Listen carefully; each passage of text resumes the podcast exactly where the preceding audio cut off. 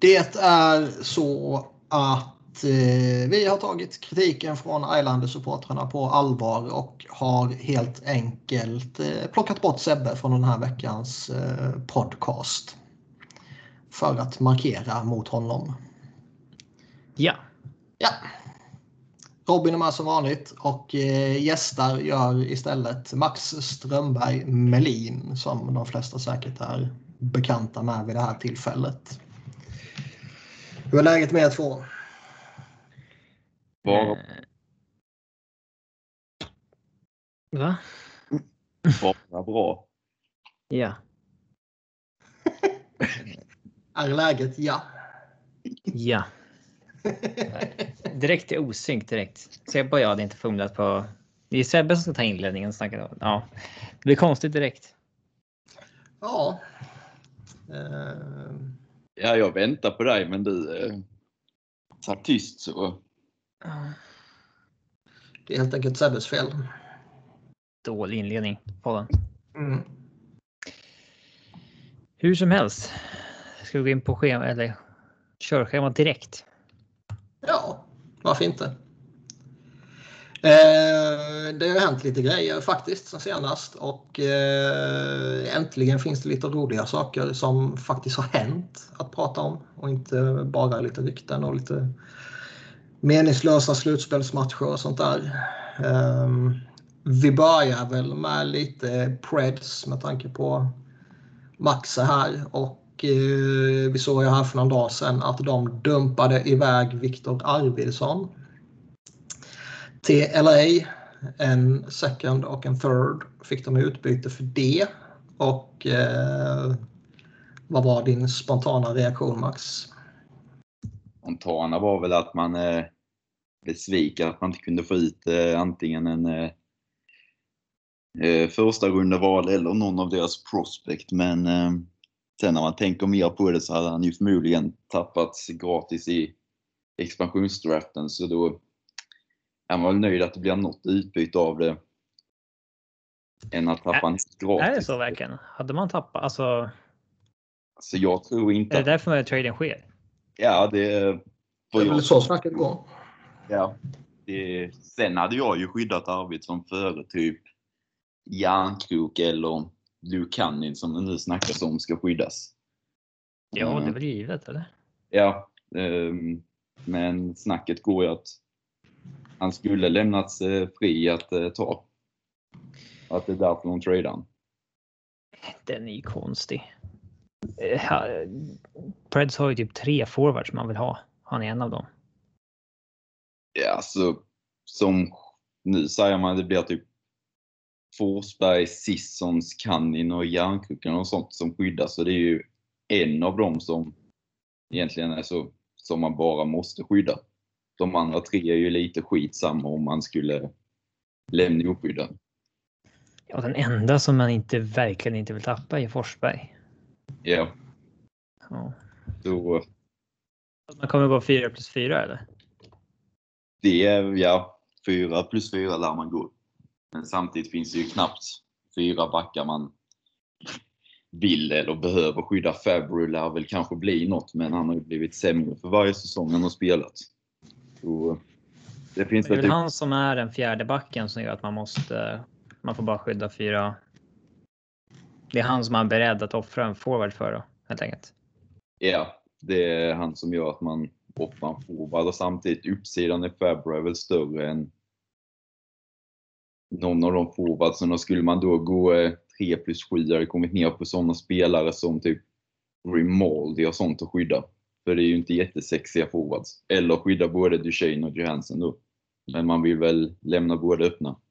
Hoppas att Se- Seattle kanske tar någon av dem. Då eh, köper inte du riktigt alltså att man var tvungen att trada honom. Nej, jag tycker Att det är en ur honom.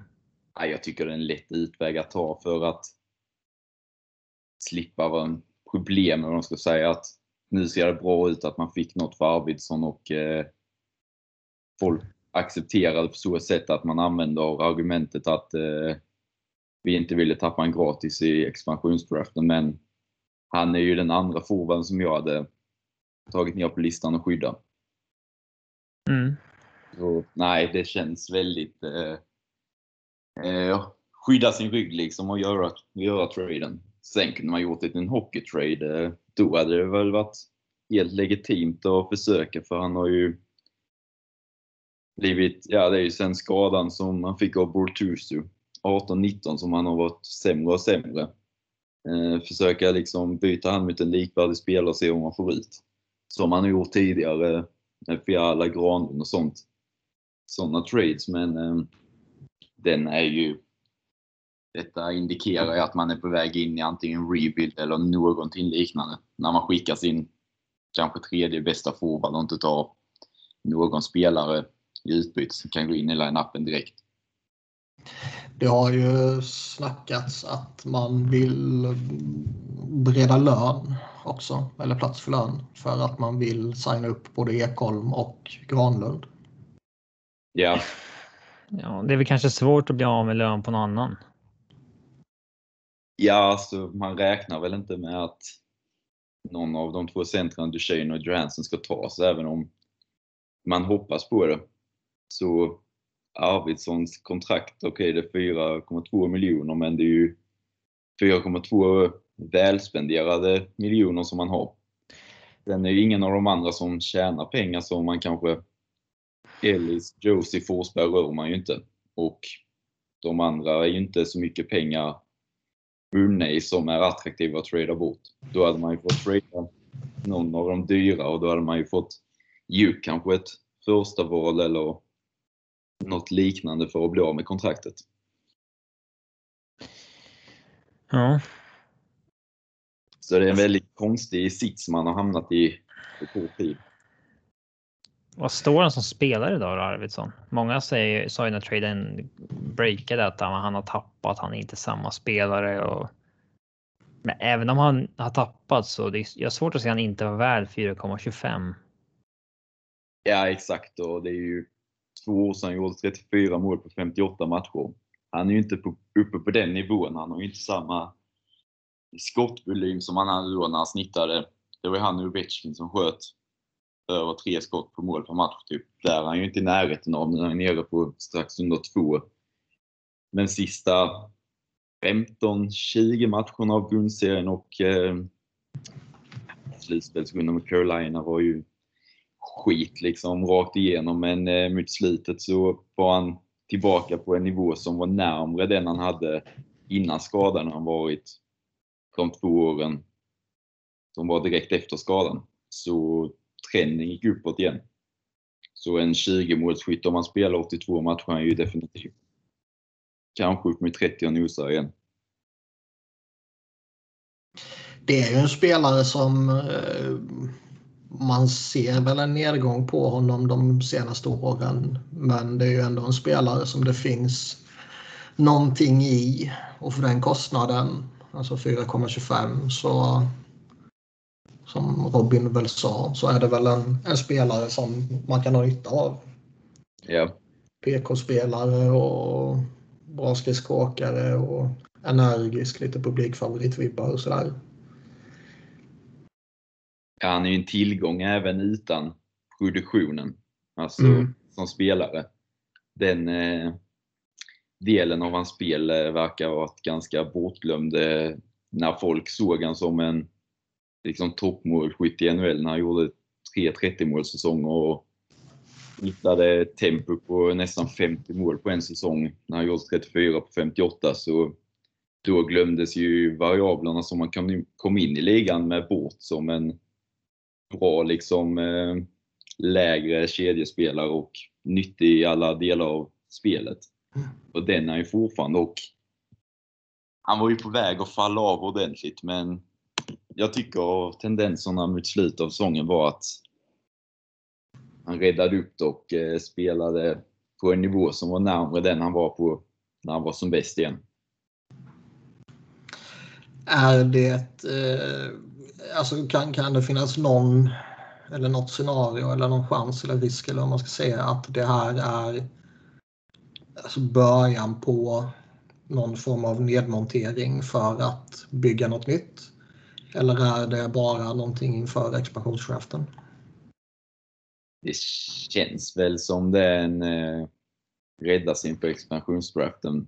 För ska man förlänga med Granlund och Ekholm så är det ju saker som går emot att det ska vara en eh, nedmontering som är på gång. Eh, exakt. Samtidigt så den stummen som man fortfarande bygger på har ju två, tre år kvar där man kanske kan utmana. För alla är ju Forsberg 27, resten är ju 30 plusare liksom. Så ska man göra något med den eh, stummen som man har i laget nu så kan du inte gå in på en eh, nedmontering. Det, då har du ju, när du är tillbaka igen så är de för gamla. Mm. Troligen.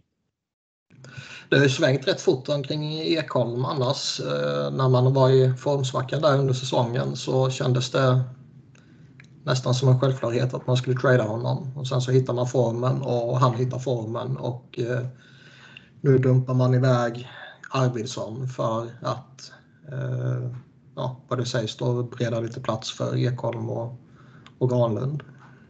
Ja, Adam Wingen var inne på det i en eh, text eh, veckan efter. De åkte att eh, grejen är väl att antingen Forsberg eller, eller så Arvidsson eller Ekholm dumpas för att eh, antingen ja, skydda liksom att den ena ska bli kvar. Och då gick man på Ekholmsspåret som väl är han är ju mer eh, spelare som gör nytta men eh, samtidigt att få ett större utbyte. Kontraktet där eh, som han lär skriva på är väl inget man vill ha om 4-5 år. Dessvärre. Känns det helt uteslutet nu att typ en Ekholm eller Ryan Ellis kommer tradas som det var snack om tidigare? Och fortfarande lyft som ett alternativ typ? Det känns väl inte uteslutet men eh, indikationer man får är att, eh, och min känsla är att eh, Poil eh, har väl inte jättelänge kvar som han kommer sitta eller som han vill sitta liksom på GM-posten och jag tror att han vill eh, gå för den sista gången som eh, alltså, han eh, styr bygget. Och då eh, blir det väl inte att skeppa någon av dem. Utan han försöker ge den chans till och kommer försöka trada någonting mer för att få in någon spets på något sätt, vad det nu ska bli. Så jag tror att man kommer gå för det och förlänga med både Ekholm och Kvarn. Sant, alltså. Man måste ju. Man kan ju inte gå in i nästa säsong med samma lag, eh, för det laget är ju inte tillräckligt bra för att utmana. Det måste ju till något mer eh, och då måste man ju trada någonting av värde eh, och det är ju inte så många spelare man kan trada bort för att få in någonting bra tillbaka så att säga. Nej, det är ju liksom som vi sa innan att eh, Johansson och Duchene är ju mer trada för att dumpa lön och då får du inget vettigt tillbaka annars är du nere på 12 en eh, Tomasino och sådana. Och det vill du ju inte skeppa. För det är ju som du behöver eh, om du ska gå för det. Och fram till Ja, de är inte mycket 18 heller. Är, då är det ju så här, ja, nej, men vi ska gå för det nu. Vi har inte tid att vänta tre år liksom. Nej. Men Han är ändå 22 så han ska ju liksom vara som bäst nu i 3, 4, 5 år. ja, Och Tomasino har ju varit dominant på alla nivåer och spelat nästan. Så han lär ju få ett försök direkt. Och då finns det inte jättemycket intressant kvar att trada med i laget som utan att uppe på toppspelaren. Och tradar du Josie eller Forsberg så förlorar du väl traden med stor sannolikhet. Mm. Mm. Det som. För det är inget lag som har en hockeytrade med dem. Då är det mer att något lag tar dem och man får tillbaka en, ja, som typ eh, Columbus vill ha för Seth Jones nu. Alltså ett sånt utbyte. Och då är det en ombyggnation du går in i direkt. Om vi tittar på det från LAs eh, håll då. Sebbe hälsar att han eh, är nöjd. mm, ja, de, skulle jag in. Två topp 6 forwards sa man väl? Mm. Och man hade ju absolut eh, draftval att eh, betala med. Det, Ja, Kings kan ju offra picks eh, utan att egentligen bry sig med tanke på hur de har draftat de senaste tre åren eller vad det blir. Ja, och de har inte. De har ju fortfarande kvar picks att. Uh, alltså, de har ju fortfarande kvar sina första val kommande år och så där så att det är inte. Ja, de har andra andra lags val också som kompenserar för det de byter mm. bort. Exakt, så de hade ju ett överflöd av picks också att använda så att det är väl ganska så logiskt. Eh, de får en bra topp 6 forward som är eh, kanske förbi sin prime. Eh, vi får väl se, men eh, som är under kontrakt ganska lagom tre år på en eh, rimlig peng. Eh, det är en sån här trade som man kan kolla tillbaka på om ett par år och säga eh, liksom, Avs tradeade ju andra och tredje rundsval för Burakovsky och två andra rundsval för Devon Taves till exempel. Mm. De kan du kolla tillbaks på om fem år och säga att se att ja, vi fick en jättebra spelare i fem år och de här draftvalen blev ju ingenting. Eh, det kan antingen gå så. Eh, ja, det, det, det, är ganska stor potential att man kommer vinnande ur en sån trade. Eh, för det, det, ska mycket till för att de där andra tredjedelsvalen ska bli någonting märkvärdigt faktiskt. Ja, det är ju väldigt sällan. Väldigt, ja. väldigt sällan. Ja. Är andra rundsvalen det som är mest liksom övervärderat i NHL sett till um, modellerna på vad, hur troligt det är att det blir en impact player i NHL och hur mycket man ändå får för ett andra rundsval i tradevärde? är väl dött lopp mellan ett andra val och ett sent första val. Ja, de är också övervärderade. Samtidigt kan man inte ge upp alla. Du måste ju drafta ibland och försöka pricka en homerun. Liksom. Ja. Men det där med att King skulle ha in två. Eh, räknas Byfield eller Turcott som en eller två? Nej, det har väl sagts två stycken via trade eller free agency. Ja. Uh. Men de behöver ju börja slussa in sina kids nu. Eh, man kan ju inte vänta eh, allt för länge nu och plötsligt stå där med sju spelare som ska in samtidigt utan man behöver ju ta det lite på en på. Ja, och eh, visst, de har inte bråttom, men det är samtidigt inte. Man kan inte hålla på som Detroit gjorde innan. nej, nej, men samtidigt de vill ju. De vill ju bli bra igen innan Doughty och Kopitar är för gamla också. Mm. Eh, när det fortfarande finns något i dem. Och det gör det ju än så länge, även fast det inte syns nu kanske när Kings är skitdåliga liksom. Mm.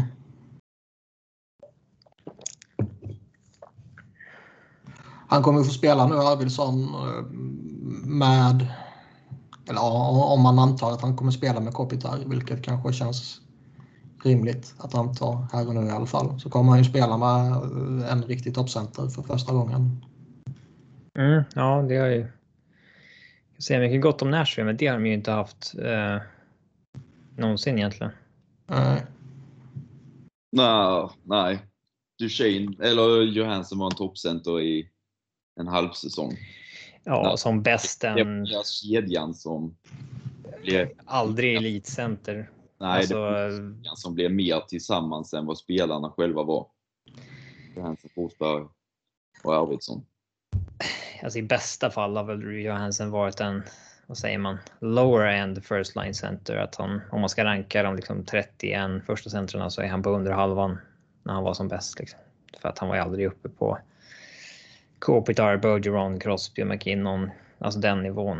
Eh, där har han aldrig varit. Nej, han är ju klart snäppet under den nivån. Och han kanske var som bäst i Columbus säsongen innan han tradades.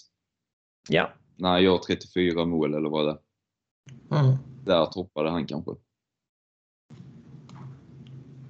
Yep. Vi får se. Det finns lite, lite fyllpotential i Arvidsson ändå för Kings tycker jag. Och eh, viktigt, eller viktigt är det, men eh, tacksamt för dem att inte behöva ge upp någon av sina prospects. Mm. Eh, tittar vi mot Edmonton så har det skett en kontraktsförlängning där. Där Ryan Nugent Hopkins fick åtta år och drygt 5 miljoner cap. Den var intressant. Mm. och den kan den eventuellt ha satt lite marknaden för sommaren att man. Eh, det här var ett kontrakt som verkligen skrek att. Eh, ja, eh, capen kommer inte gå upp. Det får vi anpassa oss för. Mm. Typ. Eh, och sen är det ju tydligt här att man byter. Eh, ja, eh, Nuge går med på en lägre capita för att få term. Och eh, jag hoppas ju att Ävst gör något liknande med Landeskog. Att man säger, säger liksom att du får åtta år, men då trycker vi ner capiten så mycket som möjligt. Eh, och hoppas på att vara competitive kommande fyra, fem, sex år så får man ju se sen. Liksom. Uh, och uh, ja, så att jag, jag dock har ju varit lite halvkritisk till Nugent Hopkins som spelare. Jag tycker att han borde producera mycket mer poäng i den miljön han har varit i. Jag håller med. Eh, det är egentligen ingen kille man vill ha på åtta år. Eh, framförallt inte med den säsongen hade nu som var ganska svag. Eh, men eh, vem är det som gör bäst affär här? Edmonton eller, eller Nugent Hopkins? Ja, det är väl Edmonton. Du får ju ändå en användbar, bra spelare. Hon, eh, alltså jag håller med dig att skrivit ett 4-5 årskontrakt så ökar ju lönen med minst en miljon. Så de får ju ändå göra sig utrymme. Att kunna... Men luktar det inte lite potentiellt Ryan Johansson, Cal Turris kontrakt över det hela? Eller är han lite för bra för det?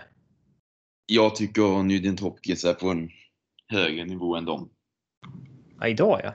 Ja, men alltså även när kontraktet eh, skrevs så där han är nu tycker jag en högre nivå än vad när han skrev sitt.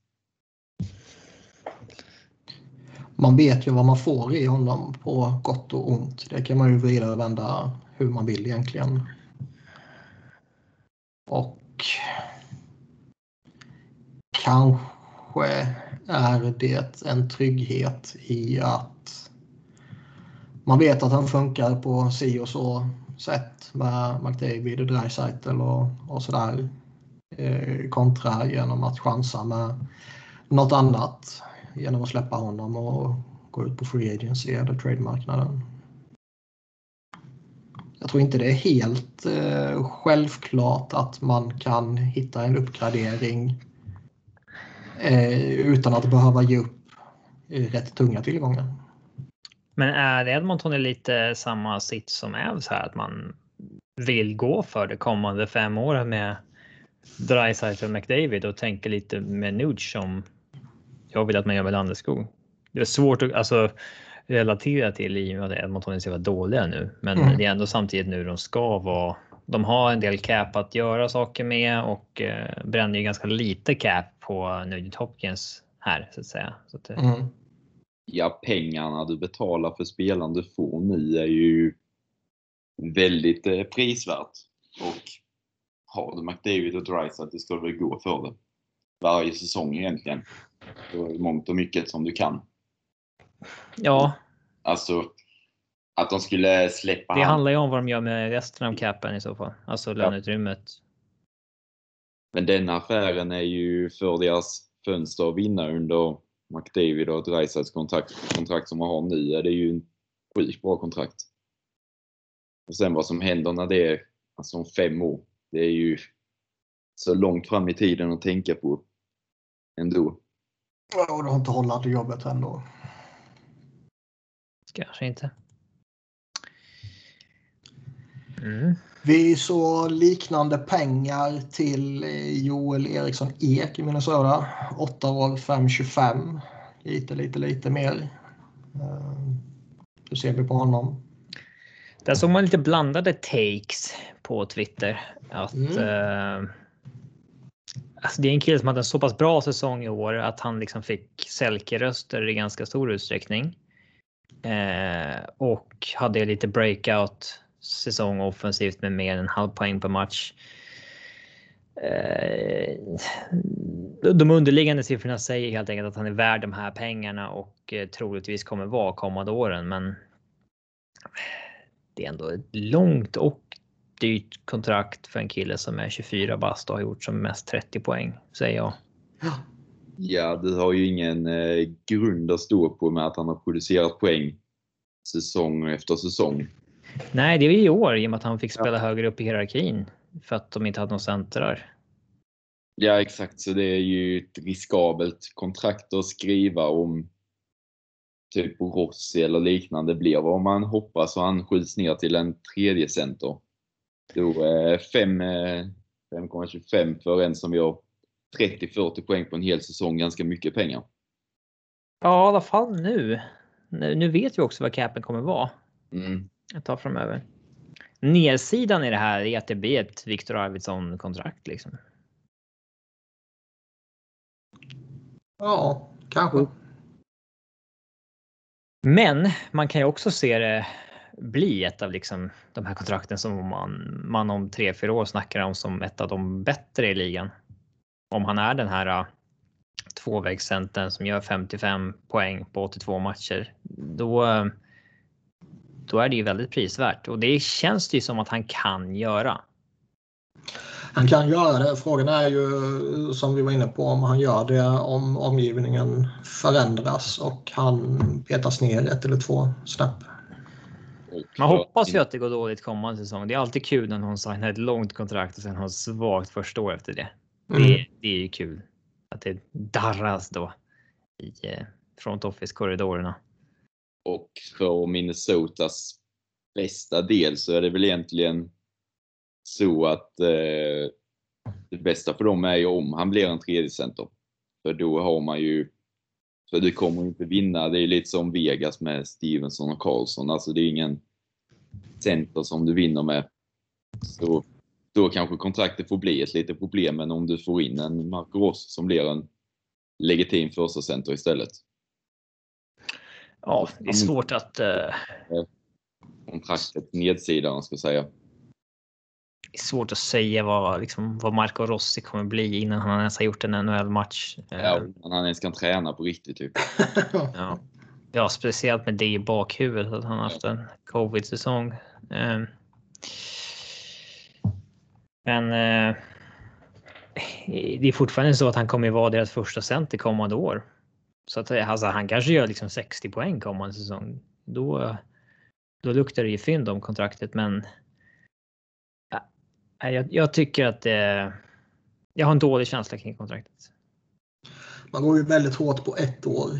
Och göra ja. det på en eh, 24-åring är ju att gamla lite, även om det året är väldigt bra. Jag kommer ihåg att Vegas gick ju väldigt hårt på en liten sample size med Alex Tuck och det har ju verkligen spelat. Eh, ja, det var ju verkligen en bra gamble. Mm. Han fick dem ju snorbilligt liksom på lång tid. Um, så att. Uh, mm, det är en. Uh... Men Eriksson Ek har ju inte liksom varit point per game var han än har spelat. Nej, nej. Inte hade de signat kontrakt inför den här säsongen, då hade det ju varit på uh, helt annan nivå. Då hade vi snackat så här två år, 1,5 typ. Alltså mm. eh, något i den stilen. Så att eh, jag är förvånad att det var både och. Som vi säger, det kan, det kan vara värsta fyndet och eller så ångrar de sig inom ett år. Det, det kan verkligen vara. Mm. Men jag tänker om de hade skrivit ett rich deal, typ 4 miljoner, 4-5 miljoner två år. Det är ju inte så att han om två år hade kostat 7-8 miljoner. Nej, det ska Ändå. mycket. Alltså, han går ju inte över 6 miljoner som spelare då, ska ju mycket till. Nej. Så då hade du ju fått lite mer kött på benen och kunna ta ett beslut om två år kanske. Ja, det är inget järnkrogkontrakt liksom. Nej, jag tror man, inte att de tjänar så mycket pengar i längd. Alltså att capiten blir så mycket lägre för att de skriver åtta år nu istället för att skriva två år än fem år. Det fascinerande här är ju, liksom, alltså man får ju lite Nugent Hopkins-vibbar så att eh, man maxar ut längden mot att eh, man kompenserar med pengarna liksom. Mm. indikerar det att de egentligen tycker att han är värd en Mer. hel del mer. Ja, för man ska komma ihåg att Joel Eriksson Ek är ju inte 21 år. Han är 24 så det här kontraktet kommer, tro, det kommer ju bära honom ut ur hans prime så att säga. Eh, högst troligtvis. Mm. Men påverkar detta Kaprizov på något sätt? Jag såg läste lite om några Minnesota-fans som var arga att man inte tog hand om det kontraktet först och bla bla bla bla bla. Och skriva det före man skrev Eriksson Ek. Ja, men alltså. Kan man inte eh, förhandla med två eller tre spelare samtidigt? Ja, du vet ju ändå vad du har att röra dig med. Alltså, Ja, Det är ju inte så att de trodde att Eriksson Ek skulle in på två miljoner. De visste nej. att det var pengar som de behövde binda upp där. Så det kan inte vara så mycket förhandlingssituationer med Fiala och Ka- Kaprizov ändå. Nej, jag tycker oftast det är lite eh, halvlustigt att man är jätteupprörd över att en viss spelare blev signad innan en annan spelare. För jag menar, man kan förhandla med flera samtidigt. Man, har, man har ju sannolikt flera olika scenarion förberedda också. Ja.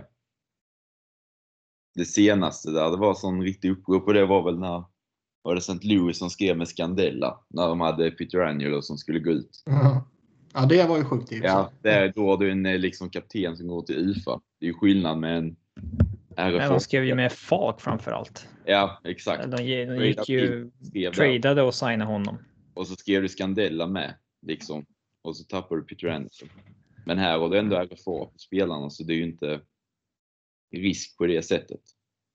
Sen hotar väl kanske Kaprizov med KHL men eh, ja, Men det kommer ju lösa sig. ja, det ska mycket till om man inte löser det. Ja. Löser man inte det så ska ju Bill Guerin skickas åt helvete direkt. Ta tillbaka Fenton. ja, inte mig emot.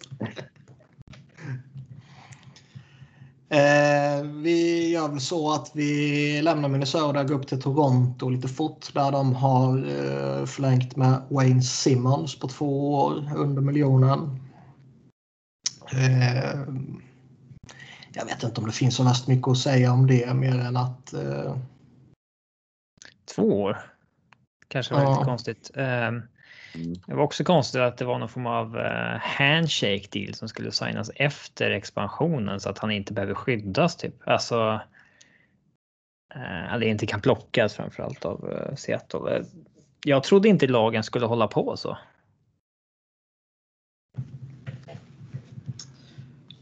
varför inte? För att det har liksom inte varit något snack om det alls. Förrän just nu någon vecka innan med Wayne Simmons kontraktet. Man, det kan nog finnas en anledning till det. Man vill väl inte snacka om det. Och därför försöker man... Eh, jag menar, jag kan ju mycket väl tänka mig att det är alltså... eh, Alexander Ovechkin är ju förmodligen överens med Caps om hur det ska se ut, men man väntar. Eh, Problem, det enda problemet som jag ser, förstått det som är eh, om du inte har en spelare signad. Är att Seattle då får ett exklusivt window att prata med den spelaren. Eh, Ja. De får typ tre dagar eller en handfull dagar. Ja. fan det är. Och man vill väl inte att eh, att Seattle med liksom 80 millar i cap space eh, går till Ovechkin och säger hörru. Ett år 18 millar. Liksom. Nej, alltså, så de, skulle, alltså, de skulle ju kunna göra Sam, det. samtidigt, så, ja, absolut. samtidigt så är det väl i, i typ Ovechkins fall och kanske man skulle inte bli jätteförvånad om det kan vara något liknande med Landeskog heller. Liksom. I, Nej, alltså, i, i sådana fall så känns det ändå som eh, att man kan eh, man kan ta en handshake deal och så är man, är man eh, trygg i att det kommer lösa sig. Men Man vill ju inte att Seattle kliver in och liksom vill göra en splash på något sätt med en eh, stjärna eh, och locka dit Nej. någon sån som ansiktet utåt för deras kommande eller första år i ligan. Liksom. Det vill man ju inte. Men. eh, mm, eh, Men det är inte en faktor i Wayne Simmons fall som Toronto borde oroa sig över. Däremot kanske det är någonting som han själv eh, kan oroa sig över. Max Nej, det är bra. Ehm, Däremot är det kanske något han själv kan oroa sig över Simmons. Att han eh, äntligen kommit hem till Toronto och eh, Jag vill inte bli claimad till Seattle. Ja. Vad fan. Mm. Kontraktet i sig är väl som en spets. Det är ju fantastiskt för Skonto att kunna fylla upp sin eh, lägre kedja med sådana spelare till de pengarna. Det är ju precis vad de behöver. Ja. ehm, sen behöver han väl producera lite mer om man ska kalla det någon, någon fynd. Liksom. Ja. Eh, om han fortsätter att göra vad han gjorde så är väl han en sån spelare som han tjänar pengar efter typ numera. Men eh, jag menar, kan han steppa upp lite bara så finns det ju lite, lite fyndpotential i alla fall. Men det är ju många sådana spelare som eh, typ med Fonton och kanske med Spetsa för så Hade de inte skrivit till Toronto hade de skrivit en miljon dyrare kanske. Mm. De har ju en dragningskraft där som hjälper dem ganska mycket känns det som. Nu när de är relevanta också. Verkligen.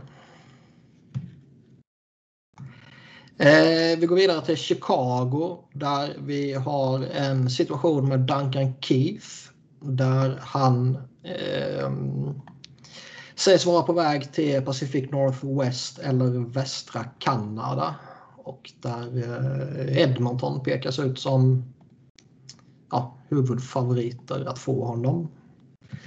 Anledningen ska väl vara att han har en exfru i den regionen där de har sitt barn också. Han vill närmare dit och har väl gjort sitt i Chicago rimligtvis.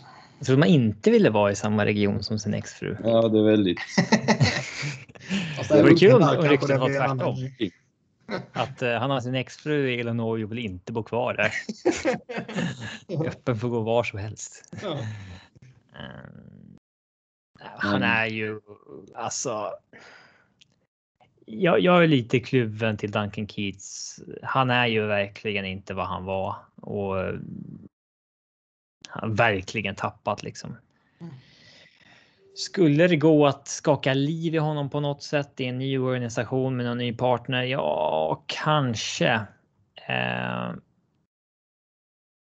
framförallt om det retainas lite lön så att man får ner hans cap till liksom hälften av eh, 5,5. Eh, då, då kan det väl kanske vara värt det, men alltså. Det är ett kontrakt över nästa år också. Det är två år. Men blir det en trade där Chicago får betala för att bli av med han, eller Om de retainar hälften. ska de Då- inte behöva det? Nej. Nej, då ska de få någonting av värde skulle jag säga. Ja, Det behöver Ja. inte vara något stort, men något draftval eller någonting. då Keefe under 3 miljoner är ju inget du betalar för att bli av med, ska du inte behöva göra. Det sägs ju att eh, Chicago vill gå efter Seth Jones och att Caleb Jones ska vara eh, vad heter det?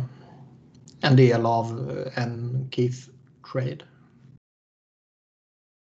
Och att man vill återförena dem, bla bla bla. Han är ju inte värd en bit över 3 millar idag. Han är definitivt inte värd 5,5, men det finns å andra sidan många backar som inte är värda vad de tjänar. Eh, och jag tror väl ändå det. Ja, Jim Matheson har ju pumpat för att han ska till Edmonton eh, och tycker det är bra. Eh, och han skrev lite roligt om det så där man kan garva åt att varför behöver Edmonton vinna en Keith trade? Så, ja, det är väl lite det det går ut på, Jim. Eh, men eh, eh, han har väl en poäng ändå i att det skadar inte att få in en kille som har vunnit tre kupper i det rummet. Men han är ju verkligen inte bra längre. Det, det är inte som när Brian Campbell var på sina sista år och liksom ändå var en effektiv spelare. Mm. Eh, Men du, du nämnde ju Robin vad de skulle göra något bra med löneutrymmet de hade nu då. mm. Jag tycker du inte Keith är att göra något bra ens till 3 miljoner eller? Nej, kanske inte. Samtidigt, det, det, är många dåliga backar som tjänar tre millar i NHL. Eh, som lag Tre verkar ge- miljoner är ju inte mycket i Nej, dagens det, det är ju utanför. Det är ju vad en femte back tjänar i ett bra Ja. lag. Eh, det är vad Ryan Graves har i Colorado. Liksom. De har så svag backsida att ja, kan de ersätta en eh, Kulikov eller någonting med en Keith så ja, kanske. Varför inte egentligen? Det, alltså får man bara honom utan att betala, utan du får bara honom till halva capen och så, då. Eh, ja, jag vet inte fan. Jag, måste, jag skulle nog ändå göra det då, tror jag på något sätt. Jag tror att det går att hitta någon begränsad roll där man kan nyttja honom på ett bra sätt. Eh, är jag Seattle så skulle jag nog kolla på det. Eh, det känns som han skulle kunna vara en väldigt nyttig spelare, få in som någon form av glue guy och kanske kapten första åren och sånt där. Det snackades lite om Vancouver förut. Mm. Och då var det någon så här Vancouver-journalist som skrev jag tror att eh, Daniel Sedin skulle vetoa eh, Duncan Keith trade eh, direkt. Så här, men tror ni? Det är ju inte så, här så att NHL. Eh, det är klart att det finns eh, folk som är lite petty och så vidare, men det är ju inte så, här så att eh, Sedinarna skulle gå in och blocka en trade för en spelare som en GM vill ha för att när han tacklade mig i ansiktet en gång för sju år sedan. Det, det vill jag inte att Det, kan, det kanske kan vara en grej om, om man fortfarande spelar. Om man Ja. har mycket att säga till om. Men som pensionär. Och Sedinarna känns väl inte som de, den typen av människor. Alltså, Nej, känns släpper ju sånt. Daniel Sedin bad ju typ om ursäkt till Keith när han gick därifrån. Liksom. Ja, Så, så, är- så är ju de. ja, exakt. Det, Cam Neely hade inte tradat för Uffe Samuelsson. Det hade han inte. Eh, men nej, som att de hade brytt sig om det. Eh, det tror jag inte. Däremot Vancouver, de försökte ju shoppa Nate Schmidt läste jag. Alltså, det har jag missat. Mm. Det tror jag inte att jag har eh, drömt. nej, jag har med sett det. Eh, jag ska hitta det. Det var ingen av de stora. Eh, Han var ju inte någon det var Pagnotta. jätte... Ja, han var ju inte någon jättehit för dem. De var ändå en spelare som eh, rimligtvis borde varit eftertraktad när Vegas eh, dumpade honom där. Och som jag tycker har gjort det väldigt bra i, i Vegas. Eh, en sån där gubbe som där och då man eh, ville att Flyers skulle gå efter för att fylla Niskanen-hålet med. Men eh, efter den här säsongen så är man ju inte lika sugen på att gå efter honom om man säger så. Ja, han eh, axlar väl typ första backs roll i Vegas innan Theodore slog igenom riktigt. Och då Mm. han ju...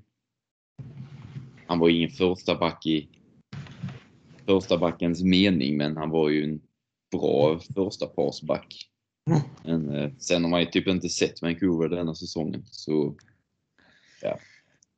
Ja, han kanske inte varit någon hit och han tjänar 5,9 men det, han är fortfarande en av väldigt få bra spelare de har. Det är, ja, så typiskt, eh, det är så typiskt Vancouver att ha liksom målat in sig i en situation där de måste trada någon bra spelare för att ha råd att signa en sån här riktigt bra spelare. Det, för att de ska signa eh, Quinn Hughes och eh, Elias Pettersson då.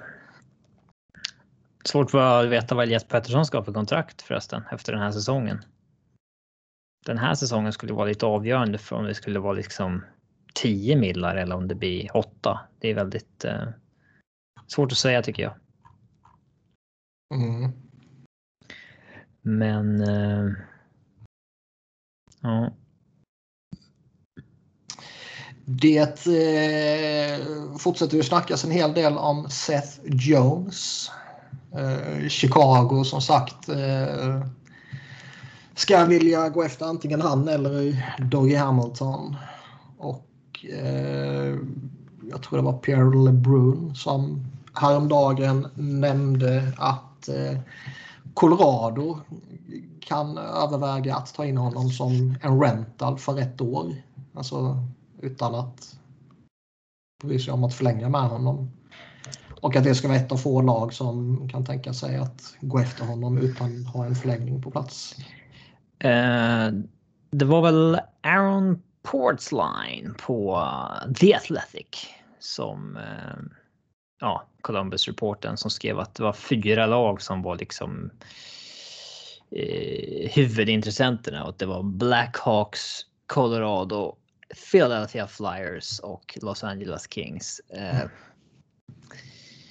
med, jag tycker det är klart att det är intressant att gå för eh, Seth Jones på det och liksom använda honom som ett rental ett helt år. Eh, lite som eh, Kings gjorde det en gång med eh, Milan Lucic när han fortfarande var bra. Mm. Eh, och det, det behöver inte vara fel idé. Men med det anseendet som Seth Jones verkar ha runt ligan. Så jag kan inte tänka mig att man betalar liksom ett jättepaket för att ha honom i ett år i en all in attack på kuppen. Alltså det när det inte är ett område i line-upen man behöver förbättra ens en gång. Han hade ju varit Ävs fjärde eller femte bästa back. Det är ju löjligt. Eh, de pratade lite om. Eh, han skrev i den här artikeln där han pratade eh, vad för potentiellt tradepaket det skulle krävas från alla lag och när det kommer till Ävs så snackar de om Tyson Jost, Prospect, Samporanta och han de tog i första rundan Justin Barron och ett första rundsval. Alltså, Nej. Alltså när, från Flyers håll så pratas det om två höga draftval. Joel Farabee, Phil Myers och en prospect. Och då ska, det ska väl i så fall vara med, med en förlängning på plats. Ja. Be betalar man det, då anser man ju att Seth Jones är en topp 10 back i ligan utan problem. Ja, så, typ. annars, annars finns det ju ingen anledning att göra det. Eh, det är ju. Men det är ju ett, alltså. Det är ju jämförbart med vad vi pröjsade för Chris Pronger. Ja, det var ju dock ett sinnessjukt pris, men. Eh, jo, men jag menar Chris Pronger var ju. Han är ju en av tidernas bästa försvarare om du frågar mig. Han var definitivt en av de bästa under sin Det var lite sick i och med att han Anaheim betalade mindre för honom några år innan han var yngre. Och sen jo. skeppar iväg honom dyrare när han är 35 till Flyers. Det, det tycker jag. Men... Eh, Absolut, men det var ändå en... Eh, som sagt, en av de allra bästa, även om han var gammal. Och eh, Seth Jones är ju en vattendelare. Det finns säkert väldigt många som skulle liksom rangordna Seth Jones i samma region som Chris Pronger var där och då i ligan. Och det finns flera som eh, hoppar till av ilska när man ser ett sånt förslag. Jag tänker på Colorado. De har väl större chans att vinna något år framöver om man inte gör traden. Ja, vill man, eh, alltså vill man pusha superhårt under de här eh, åren där McKinnon är eh, billig, det vill säga två år till på 6,3. Det kan jag väl. Jag kan väl ändå se det att man gör någon form av helårsrental på någon spelare, men. Inte på en backsida. Nej, alltså då ska man ha in eh, någon rejäl firepower i andra kedjan eller någonting istället. Alltså. Eh... Borde inte dessutom väldigt mycket bero på vad som kanske kan hända i en expansionsdraft och vad händer med Eric Johnson och så vidare? Ja, eh, Adrian Dater har skrivit att han kommer wave i alla fall så att de inte behöver skydda honom. Eh, och det är ju bussigt. Um, men eh, ja, Det, alltså, alla de här grejerna. Det finns ju egentligen ingen anledning för något lag att agera innan expansionsdraften om de inte kan förutse vad som kommer ske och liksom utnyttja expansionsdraften på så sätt. Mm. Att något lag är rädd för att bli av med en spelare och därför kan man hugga på den innan expansionen. Eh, så det blir ju lite. Det är som att spela poker med fem personer samtidigt. Eh, så är det väl alltid en GMs jobb, men extra mycket nu. Kan man väl mm. lugnt säga. Nej, alltså. Han har ju väldigt svaga underliggande siffror i år, framförallt Seth Jones och det är väldigt sällan vi ser en back. Eller väldigt sällan. Har det ens hänt att någon att någons siffror liksom har kraschat, alltså verkligen börjat rasa neråt och sen så svänger det uppåt igen? En, det. Har det skett någon gång? Alltså, Vet ej, men vi har eh, aldrig heller... Det är en jäkla varningsklocka i alla fall. Ja, så är det. Men vi har inte heller eh, på hundra år haft en pandemi som har eventuellt påverkat på tusen olika sätt. Det är svårt att skylla hans eh, zone exit siffror på pandemin dock. Kan absolut eh, påverka hur mycket som helst olika folk. Men ett sånt stort, alltså det är ju ett gigantiskt, eh, alltså nedgradering av siffror. Ja. Jo, så är det. Men, men eh, jag menar, det, det, finns ju ändå en, eh, en situation där man kan hitta förmildrande omständigheter. Det var en, en kaosartad avslutning under Tortorella. Det var en unprecedented eh, tid att leva i och så vidare och så vidare. Ehm, vill man hitta de argumenten så, så kan man ju hitta de argumenten för att eh, lugna sig själv. Vilket jag känner ett behov av. Eh, det blir i alla fall intressant att se vad marknaden är på Jones. Om det är så att hans siffror eh, skrämmer. Alltså att om det blir så att Columbus får helt enkelt inte vad de förväntar sig för honom. Eller om det blir det här ah, budkriget som eh, vi inte eh, som vi inte kanske tycker att det ska vara. Jag tror absolut att han kan hitta liksom en bättre miljö ihop med en annan partner och en annan typ av hockey och så där. Det, det kan ju absolut Eh, vi kan absolut boosta en spelare, ge en spelare en eh, skjuts. Eh. Hur långt, alltså hur litet utbud är Columbus villiga gå med på för alla ju gå nästa sommar oavsett. Och då är det väl, de har inte råd att tappa han också gratis.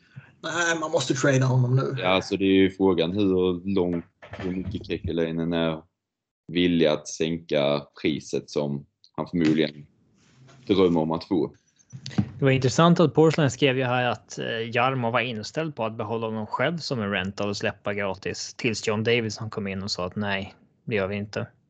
Det vore jävla idioti att göra på det sättet. Nej, man kan inte göra det igen. Alltså jag, jag kan köpa att man gjorde det när man fortfarande var bra och liksom med Panarin och Bobrovski. Alltså att det var så här. Nej, men vi måste inte måste, men att jag kan köpa att man valde att gå för det istället det året. Det är väl lite. Visst. Eh, men man kan inte få.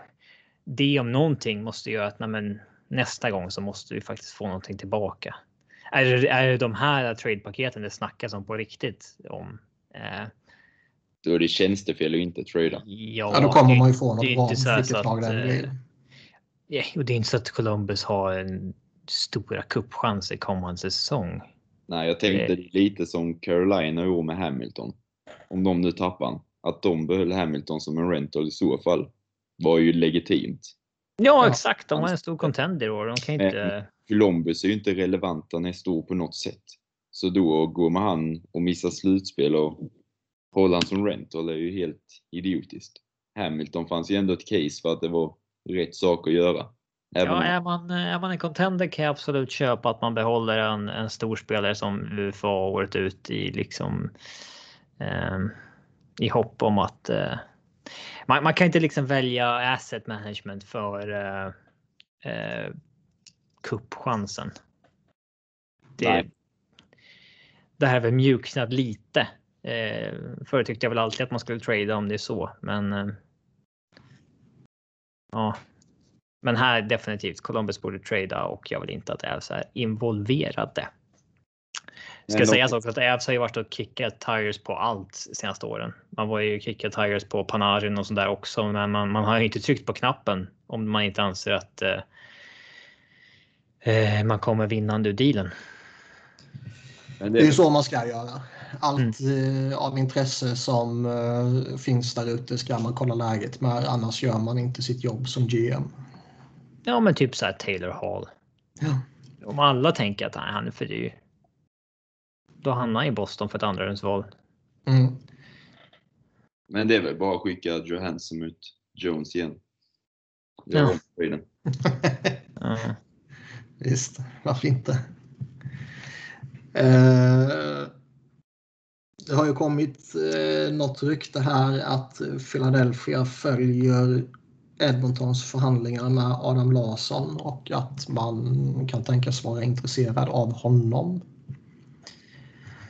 Eh, om man har identifierat Adam Larsson som någon form av backup-plan till typ Ryan Ellis, Dougie Hamilton eller Seth Jones så är man ju inte eh, jättetaggad. Om han är någon sorts... Är det inte ståfräs? som- Nej, är han liksom att ja, vi tar in honom som ny fyra så är det väl fair beroende på pris såklart. Han skulle ju kunna vara det som eh, Matt Niskanen försvann med Matt Niskanen. Mm. Det är ju fortfarande en. Eh, en bra NHL-back. Det är ju snack om det. Ja, det är det. Jag Sen lever man ju aldrig upp till draft-hypen och så vidare, men eh, Nej, så är det ju. nej. Och jag menar det, alltså. Säg att man kommer gå efter någon, någon, någon riktig stor back och så kanske man får offra Phil Myers för det. Då finns det ju ett hål man behöver plugga igen och det kanske man kan göra med Adam Larsson. Men vad betalar man för honom liksom? Jag vet fan. Ja, alltså det är så här. Eh, Han är ju UFA ska ju sägas. Snackar vi två år och fyra miller, då eh, det är väl bara att köra då tänker jag. Ja, men är det 5 gånger 5 eller något sånt där, ett Andrew McDonald kontrakt, då. eh, Nej. Samtidigt så tror jag att han kommer vara en, en bra NHL-back liksom ganska lång tid framöver. Det tror jag ändå. Ja, det borde han vara. Man är ju bara skeptisk till om, ja, hur man ser på honom. Om det stämmer att Flyers följer honom. Är det okej, vi tar honom och sätter in honom jämte Provorov och så kommer allting lösa sig. Eller är han ny 4-5? Den skillnaden är ju enorm. um, vi lämnar väl ryktena där och eh, vi har fått bekräftat att Jonathan Taves kommer spela nästa säsong. Han eh, saknades ju denna säsongen med eh, eller av oklara anledningar fram till för några eller någon dag sedan när han avslöjade att han har haft chronic immune disorder. Ja, eh, och framförallt så fick han ju covid i samband med det. Ja. Och det... Ja. Typ utmattningssyndrom hela året då. Liksom. Eh, ja, men om man lovar att han ska spela kommande säsong så eh, då är det ju... Eh, då måste han ju vara kraftigt på bättringsvägen nu. För han ligger nog en jävla bit efter med träning och sådär om man ska... Oh ja. Eh, Ja, det är väl intressant att se hur mycket det påverkar liksom och vad det är för nivå han kommer tillbaka till. Mm. Absolut. Det kan ju ha tagit väldigt eh, mycket. Mm. Det är ju ren spekulation tills man ser det men eh, spontant känns det ju svårt att komma tillbaka till 100% igen. Ja. Eh, han var ju inte...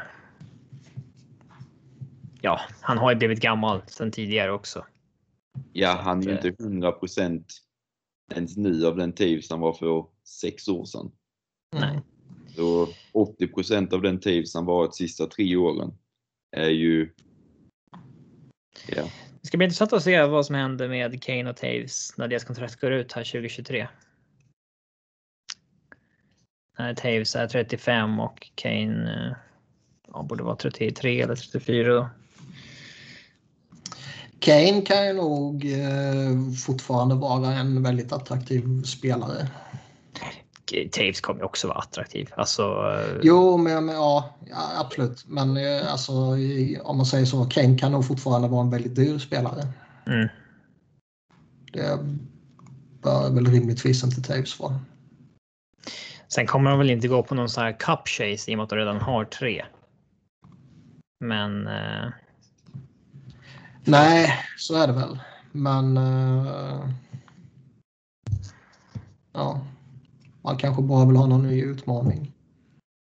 Mm. Det beror väl på lite vad, vilken riktning Chicago tar också. Det, det här snacket att Chicago vill gå efter Doug Hamilton eller Seth Jones och så vidare kanske redan är eh, en del av en plan att, att liksom få Kane och Taves att köra vidare ytterligare några år genom att visa att vi, vi kommer gå för det så fort vi bara kan igen.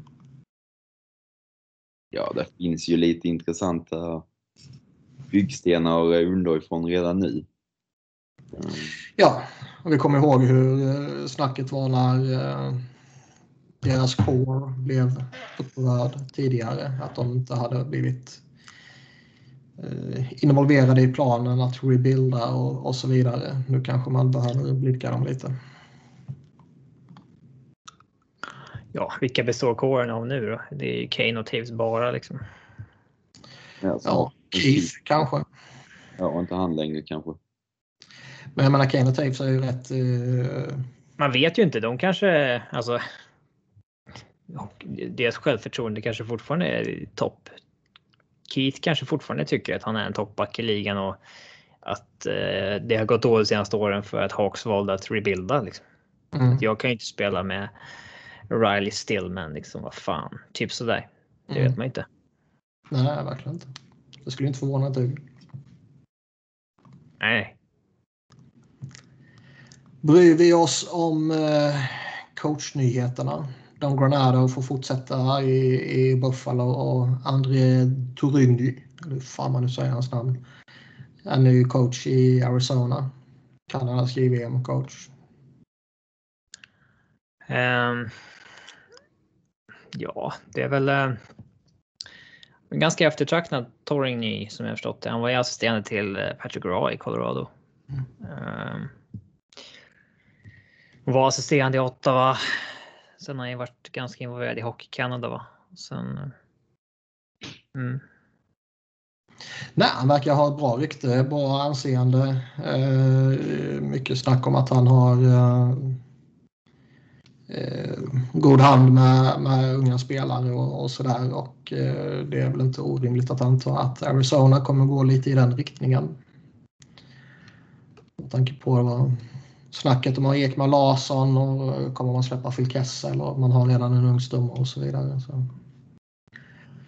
Det är väl lite intressant. Han är väl lite spännande men samtidigt är det Arizona och vem fan bryr sig? Ja, det är ju ett roligare val än om man tagit någon av de gamla gubbarna. Mm. De, är, de, är, de har ju varit så jävla tråkiga senaste åren Arizona med Tocket och eh, ja, tippet innan dess. Det vore ju kul om de får in någon som vågar spela lite offensiv hockey i alla fall. Mm. Vi nöjer oss med det och går vidare med lite awards-snack. Eh, det släpptes ju här häromdagen de sista priserna. Vi eh, plöjer väl rätt upp och ner bara. Eh, Barkov tog hem Selke Trophy. Relativt överlägsen stil. Bergeron tvåa, Mark Stone trea. Mm. Eh, Barkov är inte längre underskattad. Nej, det kan man väl inte säga att han är. Ehm, Jag vet, alltså Selke-rösterna är svårt. Eh, ska man liksom... På ett sätt hörs... Man ska ju rösta på det man ser den säsongen bara. Men samtidigt. Bara för att Kings inte är bra längre så röstar ingen på Kopitar. Mm. Alltså så här, vadå? Ja. Det. Det är ju ett individuellt pris.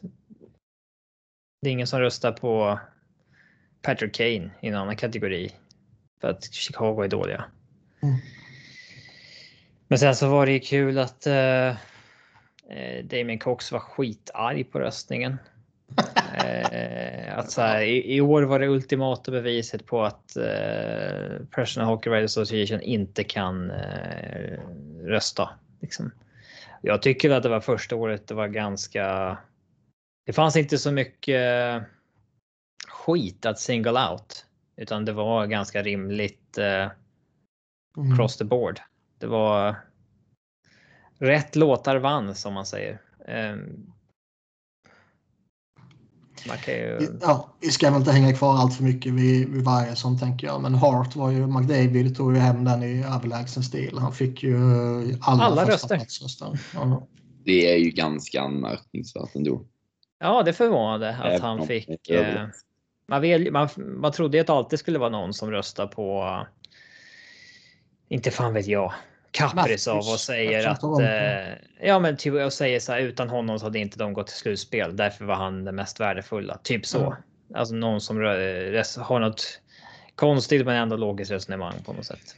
Det är alltid någon känns det som som kommer tänka att McDavid och Dreisaitl lite ut varandra. Därför lyfter vi fram någon annan. Ja, uh, så att, att, han fick alla, det var ju det var anmärkningsvärt faktiskt. Mm. Uh, Norris Trophy, Adam Fox, Cale McCarr tvåa, Victor Hedman trea. Um, ganska långt från att vara etta Hedman. Många var ju rädda att han skulle vinna på gamla meriter så att säga. Mm. Det som är eh, mest anmärkningsvärt här är ju att eh, snubben som tog hem backarnas poängliga inte fick en enda röst. Nej, det är första gången det har hänt va? Ja. Ja, det kan jag tycka. Bra. Tyson Berry, för er som ja. undrar. Bra är det kanske man inte ska säga, men... Uh... Hans anseende det... dödades verkligen helt i Toronto alltså. Mm. Men det är ändå märkligt att han inte en enda jävla röst. Jo, det snackas ju om att säga. Vad ska han ha för kontrakt i sommar? Typ så här, två år på tre mille och sånt där. det tycker jag är verkligen att ta det långt. Mm. Han gör ju sina poäng och en bra offensiv back. Sen är han inte bra defensivt och, och så vidare. Men Nej, och jag säger verkligen inte att han borde vara i någon, uh, top, något toppskikt i, i Norris Trophy-omröstningen. Men att inte en enda jävel bara tittar lite slentrianmässigt på poängligan och petar in han på en tredje plats eller femte plats eller någonstans. Det är mm. udda. Oväntat. Japp. Yep. Vesina Trophy, Fleury relativt tight. Eh, med Vasilevski på andra platsen. Jag vet inte om det finns något att säga om den. Vasilevski är väl bästa målvakten men... Eh... Jussi kom sexa. Det går väl absolut att argumentera för att Flurry hade bäst säsong. Alltså statistiskt går det. Eh, så att... Eh, så var det med det. Ja. Det, det är ju okej. Okay. Calder Trophy tog ju Kaprizov hem i eh, överlägsen stil får man väl ändå säga. 99 stycken eh, första platser. Såg ni vem det var som inte röstade på honom? Bjurman. Ja då. Per Bjurman. Och han verkar ha fått jävla mycket skit för det. ja, alltså. Han sa att han var förvånad att han var den enda. Att han trodde ändå att några röster skulle hamna på Robertson. Det kan jag hålla med. Alltså det kan ju inte ha skit. Okej, okay, Det är ju för att Dallas inte gick till slutspel. Folk tycker inte att man röstar på ett lag som inte har med slutspel att göra typ. Och det är kanske lite konstigt. Jag tycker, jag tycker ju Kaprizov eh, ska vinna. Eh, jag tycker ju inte att Kaprizov eh, ska vinna med 100% av alla röster. Nej, det tycker inte jag heller. Jag tycker inte att det, att han fick 99% av rösterna tycker jag liksom är högt nog. Vad ska man säga? Att det inte... Det är för högt det också. Eh, ja, kanske det. Men alltså det är ingenting att gnälla över om man är en Kaprizov fanboy. Nej. Det... Är det inte mer relevant att lyfta fram att han får 99 av 100 än att gnälla på att han inte får den hundrade? Ja, alltså, lite så. Det är ju inte en enorm skillnad. Han var ju bästa rookien men eh, rösta på Robertson är ju inget tjänstefel. Nej, och jag tycker det. Vi får ändå försöka embracea att folk röstar olika. Alltså. Det, det är folk som ser hockey på olika sätt som röstar också. Mm. Det, skulle alla rösta på samma, det blir väldigt eh, tråkigt. Lady Bing är väl ingenting att säga något om. Jacob Slavin tog hem den i överlägsen stil. Det mest intressanta där är ju att det var eh, här som Damien Cox eh, kukade ur. ja, och sen när de här fyra kom med eh, ja, Selke och de här, då, då, då tappade han det helt. ja. Brinda Moore tog Jack Adams, det har vi redan pratat om. Uh, Lula Morello, GM of the Year har vi väl nämnt har jag för mig. De kom lite tidigare. Mm. Sen var det lite olika lag och skit och grejer. Det pallar man inte gå igenom.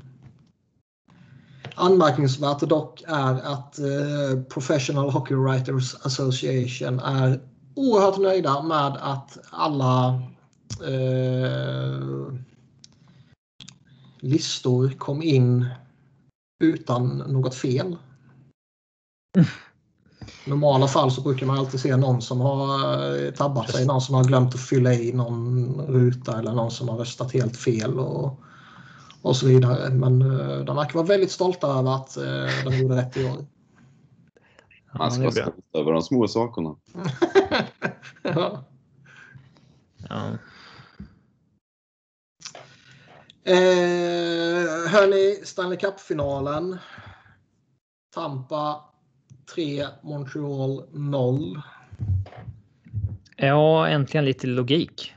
eh, Tampa har varit bra två matcher, Montreal en och den matchen Montreal var bra i så eh, gav Care Price inte dem en chans att vinna kan man säga. Eh, eller Vasilevski vann just den målvaktsmatchen stort så att då vann Tampa den matchen också. Mm. Och ehm, ja, det är ju två lag som inte på pappret inte borde, alltså. Jag ska väl inte ta orden ovärdig Stanley Cup-final, men för Montreal har ju slagit tre bättre lag på vägen dit och det är ju liksom fair play. De tog, men det är ju inte. Det är inte de två bästa lagen som möts. Det, det, det, tror jag även väldigt många Montreal-supportrar kan förstå vad man menar när man säger så. Nej, tittar man på line-upsen så är det ju inte en värdig final på det sättet. Utan mm. det kommer ju vara eh, ensidigt. Och jag blir förvånad om Tampa inte ställer av det här i fyra. Jag tror jag tippade 4-2 va?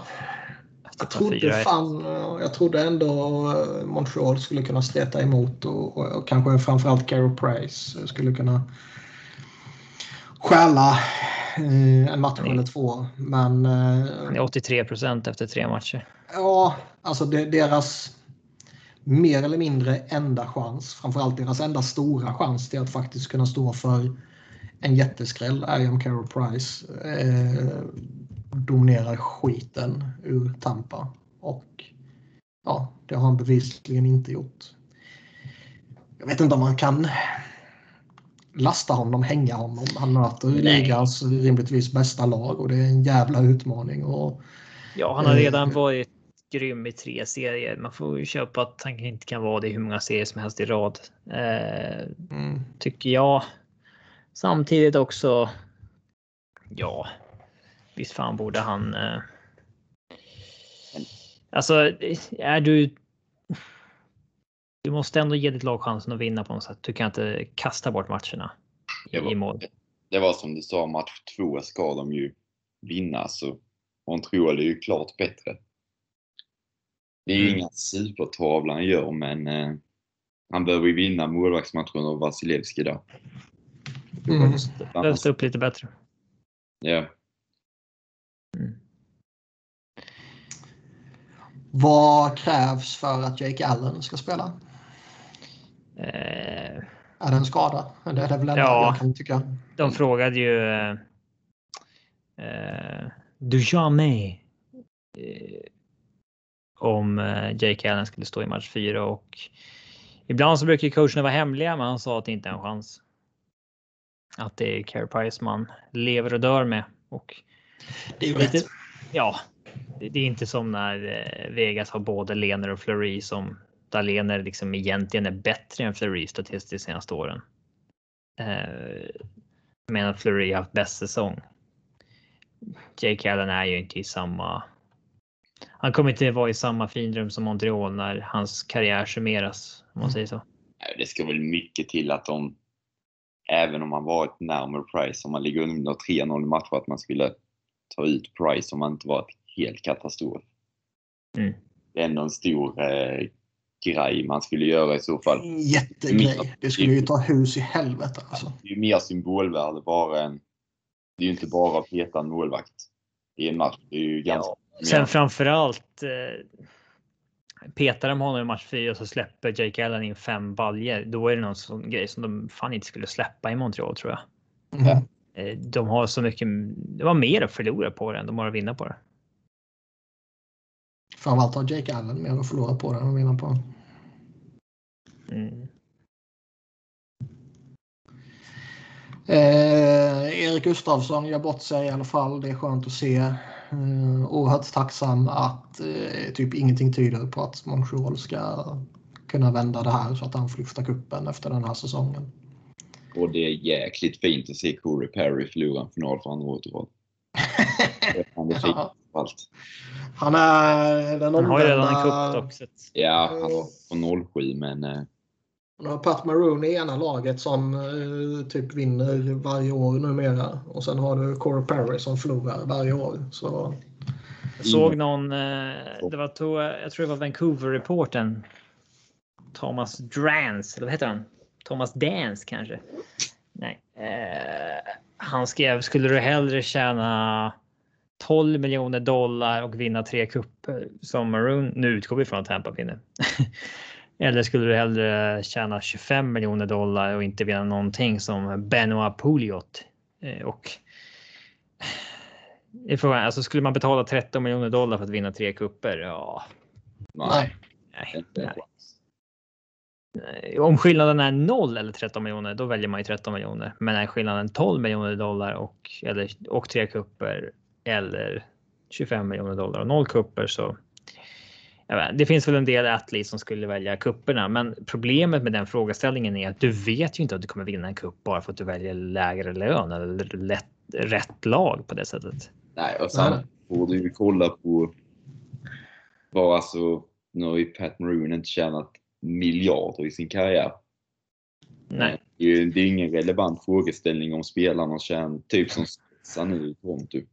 Då är det ju ingen relevant frågeställning. Han har ju bara hamnat i lag som råkat vinna. Det är inte Ja. så att han har gjort ett aktivt val och tackat nej till miljoner i Edmonton och Anaheim för att eh, han vill spela i lag som vinner. nej. Ehm, vad, eh, vad var det jag skulle säga? Nu tappar jag mig. Ehm, vad krävs för att Tampa ska anses vara en dynasti? Jag tror att man kommer anse att deras liksom tiotal var det när man. Eh, eh, Men när, när vi ser tillbaka på det att de hade liksom en grym 10-12 års period som de eh, krönte med ja, två kupper på slutet. ja, de är väl, Ska man komma ihåg att de missade slutspel en gång där i mitten. Ja, men de har finalförlust, de har konferensfinal, de har missat slutspel, de har konferensfinal. Sen har de eh, kollapsen mot Columbus och sen Kom. får man väl anta att de får två raka cuper här nu. Ja. Och de lär väl fortsätta vara contenders några år till. Så dynastin Man- kan väl byggas på redan Ja, nu. Man kan väl anta att eh, den här sommaren måste de ju fan göra någonting med laget. Det, det har man ju tyckt i tre år nu minst. ja, alla kommer vara kvar. De kommer hitta ett sätt Ja. att behålla allihop. Ja. För sitter nästa säsong. Nej, Men jag de menar, måste även- tappa- även om de ju tappar- tappa i- Ja, de tappar ju lite spel ändå, men liksom det är ju utfyllnad. I mångt och mycket spetsen kommer fortfarande finnas kvar. Och den spetsen de har är ju så pass bred och extremt bra så de kommer ju vara en contender ändå. Ja, alltså fan det räcker ju bara. Du har Vasilevski som väl... Han är väl ligans bästa målvakt liksom. Mm. Eh, Hedman som i ett större perspektiv rimligtvis är ligans bästa back. Uh, Sergachev är... Och McDonough är... Cernak Bra trea. Bra uh, utfyllnad bakom. De har Braden Point som... eh, han var väl på väg mot någon jävla rekord när han var i den här målformen. Du har Nikita Kucherov som för andra året i rad är uppe på Lemieux Gretzky-siffror i slutspelet. Vilket bara det, alltså det är helt absurt när man tänker på det.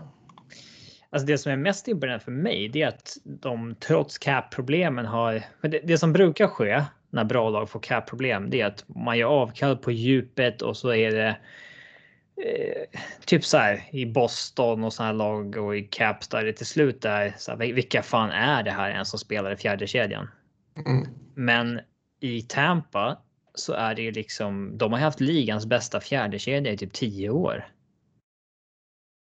Eh, Och det, att de aldrig liksom har tvingats göra avkall där på något sätt. Ja, men sådana Det- som typ Coleman och Goodrow i sommar tappar kan ju Ja, vara mer kännbart än vad man kanske tror. Det är ju De som du säger, djupet har ju varit Mm. ligans bästa samtidigt som spetsen. Det är det som är så sjukt. de ju tvingades ju upp JT Miller till exempel. Ja. Men eh, då, då tradar de ju till sig istället nya billiga spelare som Goodrow. Eh, Betalar i och för sig dyrt för det men man har två kupper eller sannolikt två kupper Ja. Men tar du liksom första kedjan alla kedjor i NHL så är de ju topp där, andra kedjan samma, tredje och fjärde samma. mm. Eller alla de mot eh, varandra hela. De envisas med att ha en dålig back hela tiden dock. Alltså, Ja, Det är väl det. måste man ha. Det står i ligans regelbok. Ja. De hade ju Dan Girardi ett tag, sen Luke Chen och Goshen. Ja, nu är det ju David Savard som han är ju verkligen inte bra. Jag fattade inte den. Jag fattar inte den hypen kring honom alls heller. Så Jag att, tycker det eh, är konstigt alltså.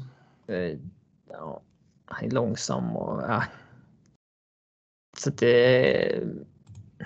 Ja, det är imponerande med Tampa att de år efter år lyckas bygga ett så slagkraftigt lag efter under liksom lönetakets boots.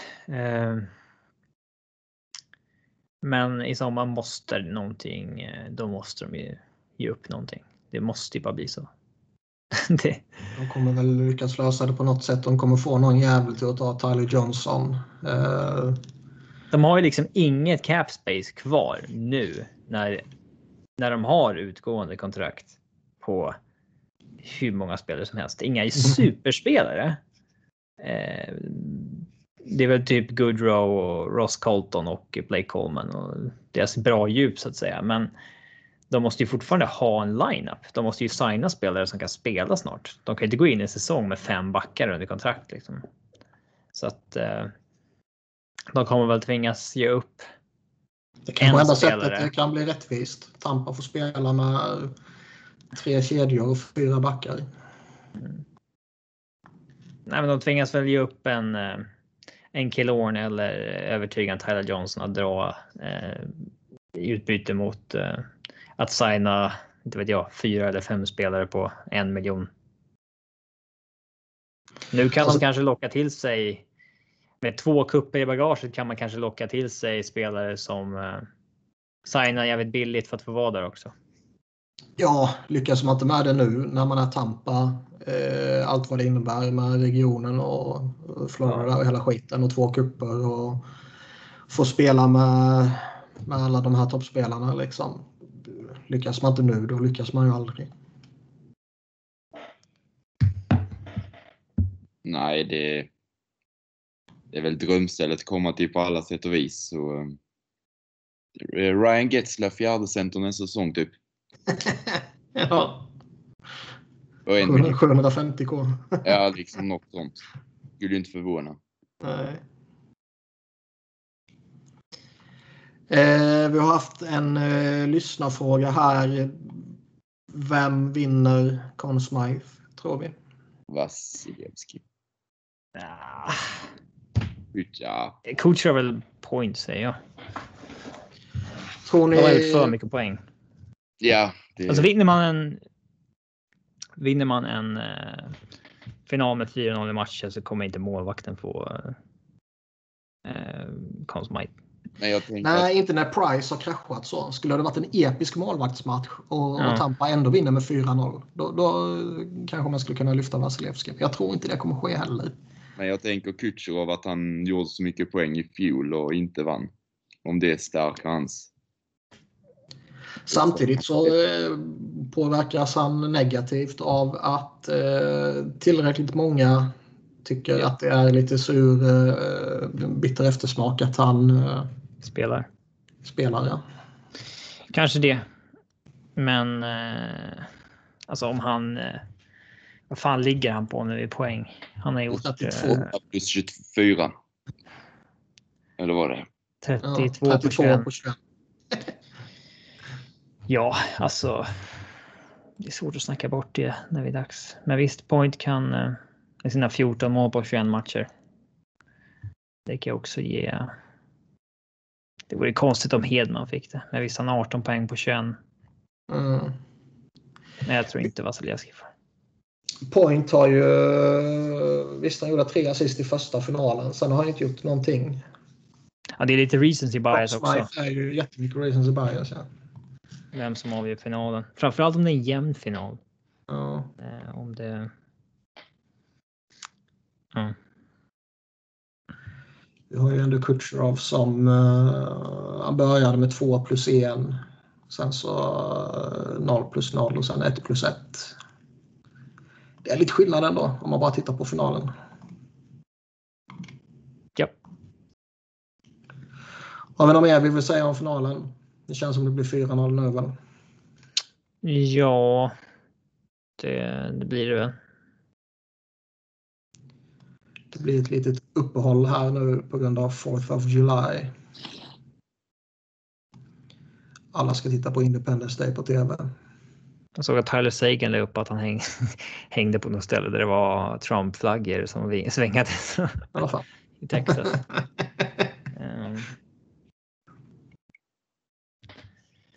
Därför är Sebbe inte här kanske. ja, han är där och hänger. Ja. Han tar den mellanlandningen innan han flyger till Sverige. Mm. Inget mer om finalen. Nej. Då går vi vidare med lite andra lyssnarfrågor. Och vi har här en om eh, Rangers. Spekulera i hur Rangers helt kan fucka upp kommande fönster.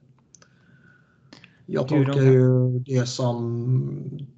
Alltså, Vad får de inte göra fel helt enkelt? Att de tradar för Eichel, han är så jäkla skadad. De ger upp så mycket. Att skadan är värre än man tror. Det är väl typ det som kan hända. Och att han inte kommer tillbaka. Alltså, det som inte får ske är väl att de ger eh, Storken ett alldeles för stort kontrakt eh, och att de. Eh, Säg att de tradar för Eichel och förlänger med Zibanejad nu på typ så här uh, 9 millar. Och sen demotar honom till en andra kedja. Då, eh, då har de ju satt sig i en konstig cap sits för många år framöver. mm. Ehm, Men eh, de skulle också kunna fucka upp det genom att inte trada för en Eichel. Alltså att de inte trycker på knappen någonting och liksom. Men alltså, det känns ju verkligen som att allting tyder på att de kommer trycka på knappen. Annars gör man ju inte den utrensningen som de gör. Ja, de måste ju signa Adam Fox också. Och det är ju uppe på 10 miljoner nivån nu med Norris Trophy i bag- i bagaget. Jo, men jag menar det är ändå eh, ett år framåt. Mm. Ehm, Men det var ju kommande Men- fönster vi snackade om. Ja, jag, tolkar, jag tolkar det som typ kommande transferfönster så att säga. Jag tolkar det som alltså, Eller cupfönster så att säga. vinna, ja. Mm. Ja, det är två helt olika saker. Man Men pratar eh, aldrig om samma sak kan transferfönster i hockey. Nej, jag vet, men eh, i brist på något annat bättre ord. Som jag kom på. Men det känns ju bara jävla konstigt att man gör den utrensningen som de gör. Man eh, promotar Chris Drury och sen så bara sitter han och chillar och gör ingenting. Alltså, Mm. Det sker ju inte. Då kommer han ju... Då har han ju helt missuppfattat vad hans boss kräver. Och då riskar man ju sitt eget jobb direkt. Typ. Och det gör man ju inte. Rags kommer ju göra någonting. Det kom ju snack om Eichel här för övrigt i dagarna att de nära sig, närmar sig en eh, lösning med Buffalo angående skadesituationen. Närmar sig en lösning. Alltså, Ja, att man snart kommer vara överens om vad man ska göra. Och det kan ju... ja, att någon av dem viker sig helt enkelt. Ja, det kom ju någon, eh, någon rapport som sa att han, jo, men han kommer behöva operera den här grejen för eh, det fanns ju en viss eh, förhoppning tidigare i alla fall att om han skulle vila och rehabba och sådär under den här perioden som han varit borta så kanske man skulle slippa operation. Men det verkar ju som att nej, operation blir det. Och eh, det är lite som Max var inne på, den, den kan ju... Jag skulle vara skitskraj att trada för honom och sen skicka honom på operation. ja, man vill väl ha den eh, säkerställd före hur det ligger till. Ja, Det är ju en jäkla stor eh, investering att göra för att vara så mycket osäkerhet i. ja och det känns ju inte heller som att okej nu gör han operationen. Vi säger att han gör den nästa vecka och sen tradar man för honom ytterligare om en vecka. Alltså det, det är också en jävla chansning. Vill Så att ju- det, vill du ha honom, då måste du ju hugga in någon annan gör det. Jo. Ja, jag skulle fan vara skraj och trada för honom alltså. Och det är uteslutande med eh, skadesituationen att göra. Inget i övrigt liksom.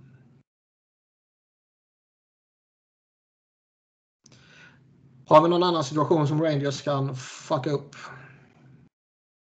Nej, de satte ju tränaren på ett bra sätt så ehm, Mm. det ska väl mycket till. Så alla andra pusselbitar är väl där för att lyckas. Ja, det känns så. D'Angelo kommer de väl dumpa nu. Antingen köpa ut eller lyckas hitta någon jävla trade. Och då försvinner det problemet. Det måste ju bli en utköpning helt enkelt och sen kanske spel i KL eller någonting för honom. Mm. Känns det som. Alltså för att. Eh, att det inte fanns något intresse för honom i år, det säger väl en del. Och att Tyson Barry inte får någon Norris-röster, det säger väl också en del om att den, den typen av back där du får offensiv men inte helhetspaketet är lite. Inte så stökt i kurs. Nej, så är det väl. Så kommer han med bagage också. Ja, han kommer med ett bagage. Men, men det är samtidigt 4,8 miljoner han kostar denna säsongen. Det är eh, Japp. mycket pengar att ta, ta åt sig. Blir han utköpt och man kan signa honom billigare så tror jag nog det kan finnas en marknad ändå. Ja. Eh, vi har en om Arvidsson här. Vi snackade ju om honom innan, men eh, är, vad har vi för tänkbar roll samt flipp eller flopp. Det känns väl som att vi var inne på det. Ja, första kedja blir väl med till att utgå från. Ja, Känns det som. Och det är stor eh, eh, chans till succé. Ska mycket till att de förlorar den traden. jag tror floppvarningen är, eh, den är inte obefintlig, men jag tror den är rätt låg ändå. Det skulle ju vara om kroppen går sönder helt och hållet, men det är väl ändå en chansning som LA är i position att göra. Ja, för helvete. Det... Eh, vad tycker Max om David Poyles arbete generellt och om Arvidsson-traden i synnerhet? Arvidsson har vi pratat om som sagt, men eh, vad tycker du om Vart, eh, vart gick man fel? Alltså där man gick fel var väl där man alltså gå så jäkla mycket för en första center och eh, först gå för Johansen. Den traden är väl bra, alltså bra blev den kanske inte men där och då var det inget fel på den. Det var ingen som tyckte att det var fel närmsta åren heller. Va? Nej, den alltså, där och då du satt på en backsida där Jones skulle ha svårt att slå sig fram ändå. Och du hade hålet på centerplats. Mm. Sen Turris-traden är väl där det börjar går fel, att man offrar så mycket och att den inte slår väl ut. Och att man har tagit in tre centra som är ja, jäkligt bra andra centra men tveksamma första centra kanske att alla har gått väldigt mycket mer fel än vad man hade trott. Det är väl det stora, alltså där det har gått fel. I lagbygget övrigt det är väl bra men man har ju alltid saknat den offensiva spetsen. Ehm, Men alla, alla fans hade väl röstat för att man skulle gå för de där spelarna där och då också. För det var ju så här, men vi har ett bra lag nu. Vi har gått för kuppen, inte riktigt varit där. Det enda vi inte har haft är de här liksom, offensiva stjärncentrarna och sen så gick man för dem och så blev det inte bra. Men Ja, alltså, Eh. du hittar ju ingen eh, Nashville-supporter som där och då klaga på eh, liksom Turris eller någonting. Okej, du nu i efterhand har du gett upp Sam Gerard. Men då hade han spelat 10 matcher kanske för Nashville och liksom var en back prospect som såg bra ut men man trodde ju inte han skulle bli vad han blev. Och Turris kom ju från 60 poäng säsong och var en stabil center med hög uppsida. Och du har vunnit eh, President's Trophy och varit i final liksom runt där med. Så hade man inte gått för det hade det varit mer fel än att man gick för det att det blev fel. Och Mm. alltid när du liksom försöker spetsa till eller reda du ruckar på saker och det kan slå fel ut och det gjorde det i dessa fallen. Men det är inget du kan lasta Poil för i så hög utsträckning som många vill tycka. Sen en hel del andra saker har jag väl lite frågetecken till vad man har gjort men eh, just de grejerna, nej. Det är väl så att Poil eh, styr mer eller mindre eh, helt och hållet vad han vill göra. Det är inte som det var i- det är inte som det är i, eller var i, i Philly tidigare där Ed Snyder sitter och, och trycker på en, en GM till exempel. Den, den situationen har ju inte Preds. Jag kan inte ens säga vem fan som är ägare eller vilka. Alltså grejen kom ju efter att eh, Webber-grejen där eh, man fick pynta från egna fickor. Att Mm. eh, de ville ha ett eh, större inflytande i vad som skulle ske. Eh, för att eh, liksom, då hade vi fått ta från egna fickor så att vi vill ha en större, liksom, vad säger man, inflytande i vad som händer i eh, organisationen och allting. Men eh, sen har ju Poil styrt allting eh, ändå. Han har ju så jäkla mycket eh, att säga till om så det finns ju ingenting eh, som andra kan göra som styr han åt något håll. Han är ju gud på alla sätt och vis i klubben så Nej, att ägarna skulle styra han åt något håll eh, finns inte.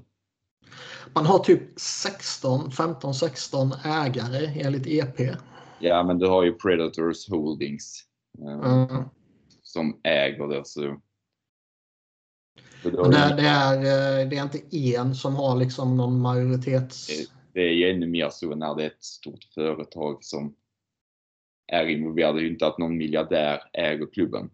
Eh, Så det är ju ett Predators Holdings som är ägare. Det väl en mindre så att de kan eh, säga vad som ska hända. Mm. Ja, det är både fördelar och nackdelar. Ja. Nej, så nu är väldigt... Eh, senaste två, tre säsonger har man hamnat i ett svårt mellanläge där man inte har kunnat bestämma sig vilket håll man ska gå för. Man har varken satsat fullt ut eller byggt om. Så man har ju dels hållit sig eh, relevanta och eh, aktuella men samtidigt eh, inte helt offrat framtid utan man har behållit sina första rundeval och sånt och draftat helt okej. Men det är väl den tråkiga delen av när man håller på ett lag. Du kommer inte få några superdraftval och du kommer inte utmana. Mm. Det är den sämsta delen att vara som en NHL-klubb på många sätt och vis. Att vara ett eh, mittenlag. Känner igen den känslan. Ja, det är väl... Sen samtidigt så vill man väl inte ta två, tre år där man är helt i botten. Det är samtidigt inte så med hur eh, systemet funkar i Nordamerika så jag, jag är hellre i botten och liksom nörda ner mig i draften och den biten än att eh, än att vara i det här mellanmjölksskicket där man liksom hoppas på att inte missa slutspel men vet att tar man sig in så har man inget att ge. Alltså det. Men när, när Det är är inte kul, så alltså. man ditt intresse eller? Alltså så. Eh, Äs har ju varit så dåliga i eh, liksom. Ja, men den säsongen, vad är det? Där du tar 48 poäng. Om man tar den bara som exempel. Bednards första är det väl? Mm, Alltså jag skulle fortfarande säga att det var värre med Patrick Raw-åren när de liksom var sämst i ligan i alla kategorier. Men eh, statist, alltså så här, stati, alltså de, de gjorde allting fel enligt alla som kan statistik hela tiden. Eh, men de bara- höll sig typ så här som 20, 20 och 21 bästa laget i ligan. Mm. Och man visste att så här, varje gång de gör någonting för att förbättra laget så kommer de egentligen ha gjort någonting som är dåligt. Trada för Mikael Bödker eller så här. Alltså spelare som inte är bra. Liksom. Eh, så, nej, jag skulle nog säga att det var eh, värre.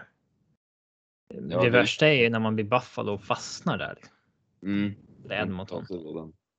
Men Avs har ju bara haft säsonger när man sticker ner i botten. Men det ska ändå mycket till om man ska fastna så där brutalt som Edmonton och, Buffalo har gjort. Ja, eh, nu har vi haft ett par år med liksom ganska dåliga drafter där det inte har varit någon sån här stjärna som, eh, som lyfter laget. Det, eh, då, då ska du kommer inte få in. Nico Hische ser ju inte till att du inte blir bottenlag nästa år när du draftar honom. Mm. Så är det ju inte. Nej, senast är väl Matthews. Och det är ju fem år sedan nu. Mm. Som där du direkt kunde se kommer göra skillnad. Ja, Och det, det är ju det som är lite tråkigt med att du ska pricka rätt år. Att vara dålig. Typ som, ska du vara dålig något år nu är det ju draften 2023. Mm. Ja, just den här timingen har ju Flyers varit jävligt värdelösa på. JVR och Nolan Patrick. Ja men ni gick väl från typ 12 val till andra när ni tog Patrick. Mm. Det, Ja, då var ni Men de, eh, de två gångerna när man har draftat högt de senaste 15 åren så har det inte varit bra spelare vid andra rundsvalet. Eller Nej. vid andra second overall. Så att säga, Nej. där de har varit. Ja, Nashville tog Seth Jones fyra. Det är ändå ett bra. Ja, det var ett jättebra år. Ja. Hade, Det är ju en bra draft att komma långt ner när man gör det. ja. ja. Nej, så det, där man är nu är ju ganska tråkig sits liksom. Man går för att, som du sa, komma till slutspel men är du där så vet du du kan som bäst skrälla en runda. Och sen är du inte tillräckligt bra. Mm. Samtidigt ser man Montreal att eh, en het målvakt och stabilt 5 mot 5 spel i övrigt och lite, lite, lite tur. För det nej. kommer man an, aldrig undan ifrån. Så kan man ändå gå på en slutspelsäventyr. Och det är ju... Ä, även om, även om man rimligtvis blir svepta eller torskar med 1-4, 2-4 eller vad det nu kan bli så har ju ändå resan dit varit jävligt häftig för Habs-supportrarna. Men problemet är att med John Hines kan du inte ha ett stabilt 5 5 spel eller någonting. Det är väl där man borde agera först och främst. Och en eh, vettig coach. Du är team sparkar coachen i alla fall. Ja, det, alltså Läby kunde man väl säga mycket om, men eh, vi spelade en framgångsrik och effektiv hockey när Laviolette var där. Heinz, eh, 5 mot 5 handlar om att eh, försöka stå ut och lita på att man har toppmålvaktsspel. Det finns inget liksom sätt där du för matcher och kontrollerar matcherna över tid. Det kan vara enstaka perioder men eh, du är hela tiden i underläge i matchbilder och allting eh, över tid. Sen Heinz tog över. Preds måste fortfarande vara så bittra över tajmingen där man sparkar Laviolette, tar in Heinz och sen gick det, vad fan gick det, en dag eller två och sen är Galant ledig. Ja. Och, Jag och flera andra var också va? Ja, det var ju precis därefter som allt hände. Men eh, Foyle har ju inte, vad säger man? Han är ju inte trigger happy på att sparka tränaren liksom. Det är ju på att sparka eller trots kontrakt gick ut så liksom det är en under säsong han har sparkat. Så att det ska hända igen ska väl eh, mycket till. Och Heinz eh, har de sagt nu han ska ha dem nästa säsong. Och annars hade man ju redan hittat på något. ja. Så han lär stå i båset nästa år.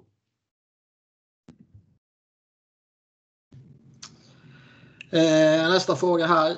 Seth Jones mot Oliver Ekman Larsson? Frågetecken. Columbus får en spelare som de slipper tänka kommer försvinna snart.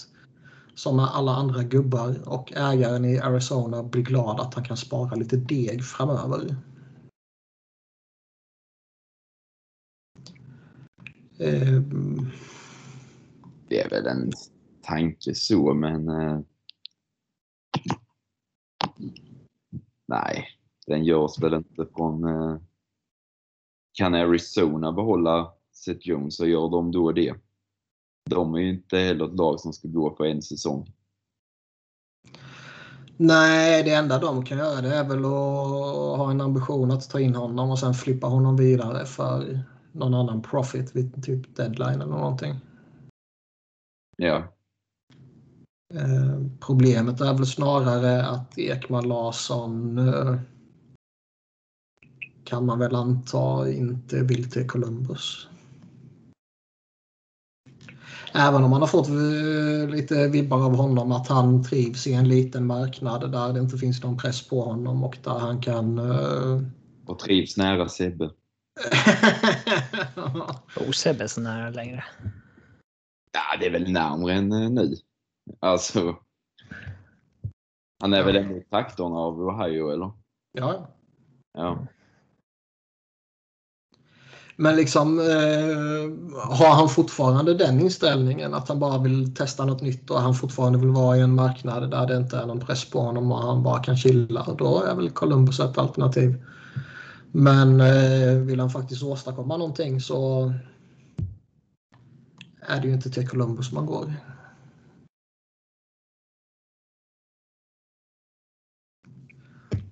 Alltså, hans jävla kontrakt är man skeptisk till också. Det borde även Columbus vara.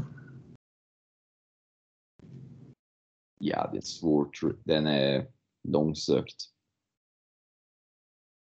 Den är väl rimlig på några sätt, men eh, Resonemanget kan väl vara rätt logiskt på, på sitt sätt, men eh, lite orimligt från Ekman Larssons håll tycker jag.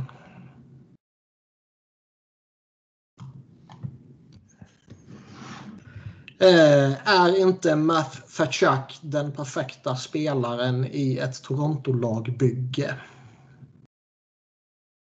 Han skulle vara bra i många, många lag.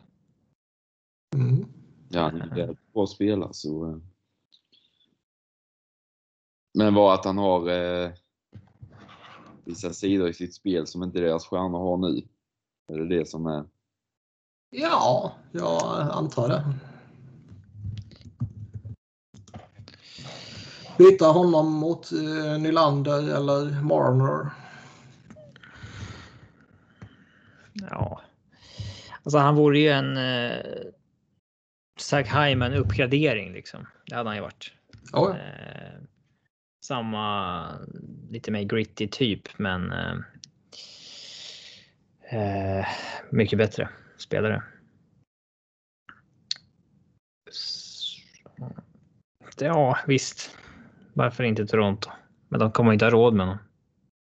Pengamässigt. Nej, då måste ju någon av dem stå ut. Japp. Och jag tror Mm. inte Dubas är så dum så att han alltså, Nej, de faller i det där de- narrativet att de skulle behöva, att bara för att de åkte ut mot Montreal så ska de trada någon. Det, jag tror inte han går i den. Och jag tror inte folk vill det nu heller när folk har lugnat ner sig lite. Folk var i toklacka då, men jag tror att de har lugnat ner sig lite. Eller så har de inte det och sitter och kokar fullständigt för att Habs är i final nu. Mm. Eh, vi har en eh, genom Duncan Keith här där eh,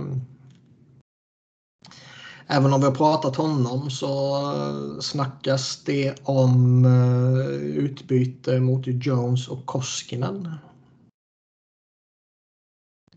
Vi har, ju är, prat, vi har ju pratat om trailen eller ryktet tidigare så den, den delen behöver vi inte ta upp igen. Men, men eh, Jones Koskinen. men är det Koskinen så är det ju mer åt det hållet som vi var inne på. Alltså, Då tar, tar man ett dåligt kontrakt, men man får ändå någonting av värde också. ja, exakt. Jones. Men hur många år har Koskinen kvar? Två år va? Precis som eh, Ett. ett. Är Okej. han nere på ett bara? Tydligt. Men jag menar kan man bli av med, kan man bli av med honom så är det ju värt en del. Mm. Även om det bara är ett år kvar och man kan rida ut kontraktet nu så. Keith har ju ändå, han kan ju ändå bidra med någonting. Liksom. Ja, Koskinen är ju inte ens en backup-målvakt. Uh, typ. Framförallt inte om de har Mike Smith som etta, som de kanske går in i nästa år med också. Mm. Han är ju en eh, tvåa bakom Vasilevski kanske. Mm. Inte bakom en Mike Smith. Mm. Har den kanadensiska divisionen orättvist snackats ner? Är det bara en flax att deras i grundseriens fjärde bästa lag är i final? Det är väl snarare att den är svag, att inget av topplagen är så pass bra att de att fjärdelaget kan gå hela vägen. Kan jag tycka. Ja, nej, man kan inte säga någonting om eh, vilken division som var starkast baserat på vilket lag från divisionen som gick längst i slutspelet. Nej, för Nej. den, den med de två, två bästa lagen, inget av dem gick ens till final. Den divisionen med Vegas och Abs.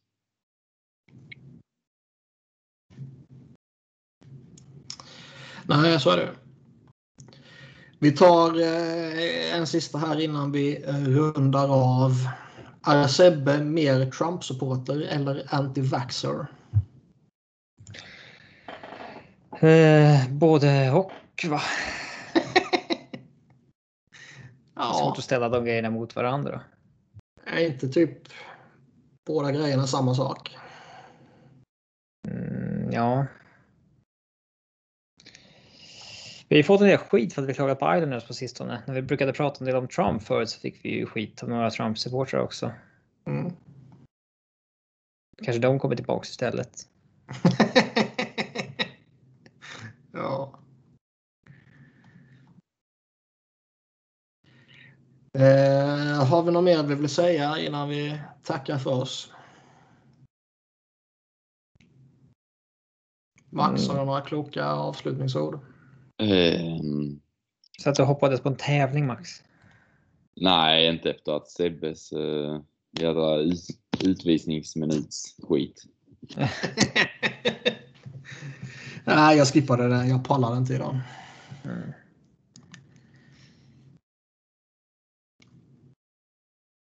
Men eh, ja, med det så eh, säger vi väl tack och hej. Och eh, vi får se lite när vi återkommer. Det beror väl på lite vad, hur många matcher till det spelas och vad som händer i ligan. Och eh, så småningom ska vi väl ta mastodontavsnitt där vi börjar snacka upp inför expansionsdraft, draft och free agency och hela skiten. Så det kan nog bli bra. Ja, Ska ni inte lägga det runt i ett tioårsavsnitt? Då fyller ni ju fyra fem timmar med det bara. Ja nästan. upp inför free agency i september dock. Ni kan väl flytta på det lite. Nej, tioårsavsnittet ska vara i september väl? Ja, det första avsnittet kommer ju typ juni, juli. Med dig och Petter. Nej. Jag tror det första vi gjorde var... Det första som ligger i feeden är ju en intervju som Björn Jonsson gjorde med mig. Inför finalen.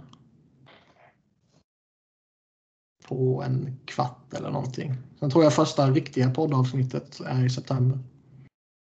Inför säsongen. Mm, kanske det. Mm, 13 Mm. september. Det är eh, några avsnitt kvar till den stora jubileumsshowen i alla fall.